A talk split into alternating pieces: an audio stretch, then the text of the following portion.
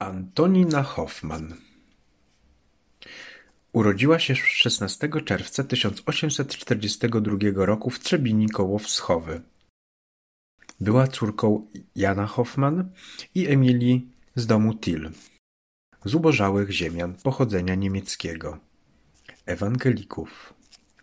Uczyła się na pensji u Krakowowej w Warszawie. Brała tam udział w amatorskich przedstawieniach szkolnych. Mimo oporu rodziny postanowiła zostać aktorką. W roku 1858 po odbyciu kilku lekcji u Jana Królikowskiego wstąpiła do Warszawskiej Szkoły Dramatycznej, którą wówczas skierował Józef Richter. Jako siedemnastolatka w 1859 roku na deskach warszawskiego Teatru Rozmaitości wcieliła się w postać Fryderyki Wagner w komedii Kamień probierczy Emila Augiera i Juliusza Sandeau. Została zaangażowana i występowała do 1860 roku, równocześnie studiując jeszcze w szkole dramatycznej. Grała kilka ról, w tym prestiżową Klarę w Zemście. Nie mając jednak w warszawskim Teatrze Rozmaitości możliwości poważniejszej pracy, zaangażowała się do Teatru Krakowskiego. Po raz pierwszy wystąpiła 29 grudnia 1860 roku w roli tytułowej w Precjozie. W Krakowie występowała do końca życia. Hoffmanowa grała tutaj bardzo wiele ról i w słabym zespole stała się niebawem główną aktorką. Grała bardzo wiele ról, ale bez wyboru, bez uwzględnienia jej możliwości i cech talentu. W lecie 1861 roku przez kilka miesięcy występowała z zespołem krakowskim w Lwowie. W tym czasie poznała Stanisława Koźmiana, w którym pozostawała w niezalegalizowanym związku do końca życia. Wróciła na scenę krakowską po tym, jak Stanisław Koźmian został kierownikiem artystycznym. Na pierwszym przedstawieniu 18 listopada 1865 powitano ją bukietami. Wraz z nią w Teatrze Krakowskim znalazła się również Helena Modrzejewska. Był to najlepszy wówczas zespół aktorski na ziemiach polskich. Aktorzy krakowscy zasłynęli wkrótce z gry bardziej naturalnej, swobodnej i wolnej od afektacji. Z inicjatywy Koźmiana wyjeżdżała często za granicę dla zwiedzania najcelniejszych teatrów, głównie do Wiednia, gdzie zapoznała się i zaprzyjaźniła z aktorką Charlottą Wolter. Grała niemal wszystko. Bohaterki liryczne, tragiczne, amantki, role charakterystyczne i komiczne. Hoffmanowa była bardzo typowym dzieckiem swojej epoki, pisał Jerzy Gott. To miało swoje ogromne znaczenie właśnie w teatrze, w którym zaznaczało się nie pierwszy raz nienadążanie za przemianami w sztuce, kulturze i obyczaju. Hoffmanowa nie wybiegała swą twórczością naprzód, szła krok w krok z otaczającym ją światem, ale w teatrze to właśnie było jej wielkim nowatorstwem. Jej współczesność była czymś niezwykłym. Wyjeżdżała również sama na występy gościnne do Lwowa, Poznania, Warszawy. Po ustąpieniu Koźmiana ze stanowiska dyrektora w 1885 Antonina pozostała nadal w Teatrze Krakowskim.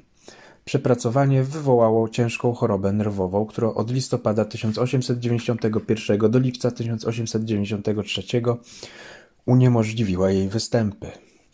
W 1893 roku weszła w skład zespołu Pawlikowskiego w Nowym Teatrze, nie wiążąc się jednak stałym kontraktem. Nieuleczalna choroba, rak, zabierała coraz więcej sił aktorce. Jednak Hoffmanowa grała jeszcze po ciężkiej operacji, a nawet opracowała nową rolę. Antonina miała korzystne warunki fizyczne. Była zgrabna, giętka i ruchliwa, o wielkim wdzięku w, w ruchu i geście. Mimo średniego wzrostu na scenie nieraz sprawiała wrażenie rosłej kobiety. Największą jej ozdobą było wspaniałe czarne oczy i bardzo długie kasztanowate włosy. Podawała nie tylko bezbłędnie treściową zawartość tekstu, lecz wydobywała nieprzeczuwane piękności wiersza. Sangwiniczny temperament zarówno w życiu, jak i na scenie objawiał się wielką żywością, prostotą, szczerością, humorem, bystrą inteligencją i wielką wrażliwością w przyjmowaniu i odtwarzaniu wrażeń. W sztuce nie wszystko, co jest prawdziwym, jest pięknym, ale to, co nie jest prawdziwym, pięknym być nie może. Mawiała artystka. Kraków zawdzięcza jej sławę pierwszorzędnego ośrodka teatralnego w kraju. To ona zapoczątkowała bowiem nowy sposób myślenia o aktorstwie i wprowadziła na scenę dzieła Juliusza Słowackiego. Nadto udało się jej uzyskać zgodę cenzury petersburskiej na zagranie w, w Pawłowsku fragmentu balladyny. Natomiast zdobyte zezwolenie na przedstawienie na jej benefis w Warszawie zostało cofnięte. 1865 roku grała wszelkie role kobiece, od naiwnych przez amantki salonowe, bohaterki dram i tragiczne, role komiczne, charakterystyczne, aż do matek tragicznych. W roku 1865 jej zainteresowania w lepszych o wiele warunkach pracy skupiały się na rolach amantek komicznych i dramatycznych oraz na postaciach kobiet władczych, namiętnych w sytuacjach bardzo dramatycznych. Wtedy też pojawiły się początki silnego zainteresowania współczesnym dramatem mieszczańskim i salonowym. Już wówczas przeprowadzała pomyślnie zasadę pełnej kompozycji roli, choć ograniczała się jeszcze do odtwarzania najważniejszych rysów postaci, rzadko zdobywając się na precyzję wniknięcia w szczegóły. Dalsze lata przyniosły w tym właśnie kierunku ogromny postęp. Jej role opracowane były z niezwykłą precyzją w najdrobniejszych odcieniach, nie tracąc przy tym nic ze swojej swoistości. W latach 1871-76 obok znakomitych kreacji w repertuarze klasycznym wysunęły się na pierwsze miejsce role amantek we współczesnym dramacie. Po 1876 zaczęła w utworach tych wybierać role o zabarwieniu charakterystycznym. Grała chętnie dramatyczne role kobiet starszych, nie wykluczając jednak twórczości w repertuarze komicznym. W tym też kierunku z coraz silniejszym uwzględnieniem wymagań swojego wieku układała swój repertuar nadal do końca pracy.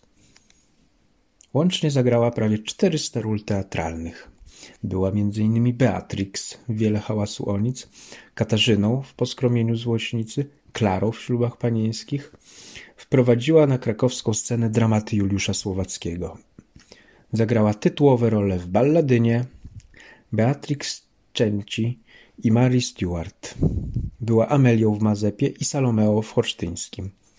Zmarła 16 czerwca 1897 roku w Krakowie w wieku 55 lat, przegrywając walkę z rakiem.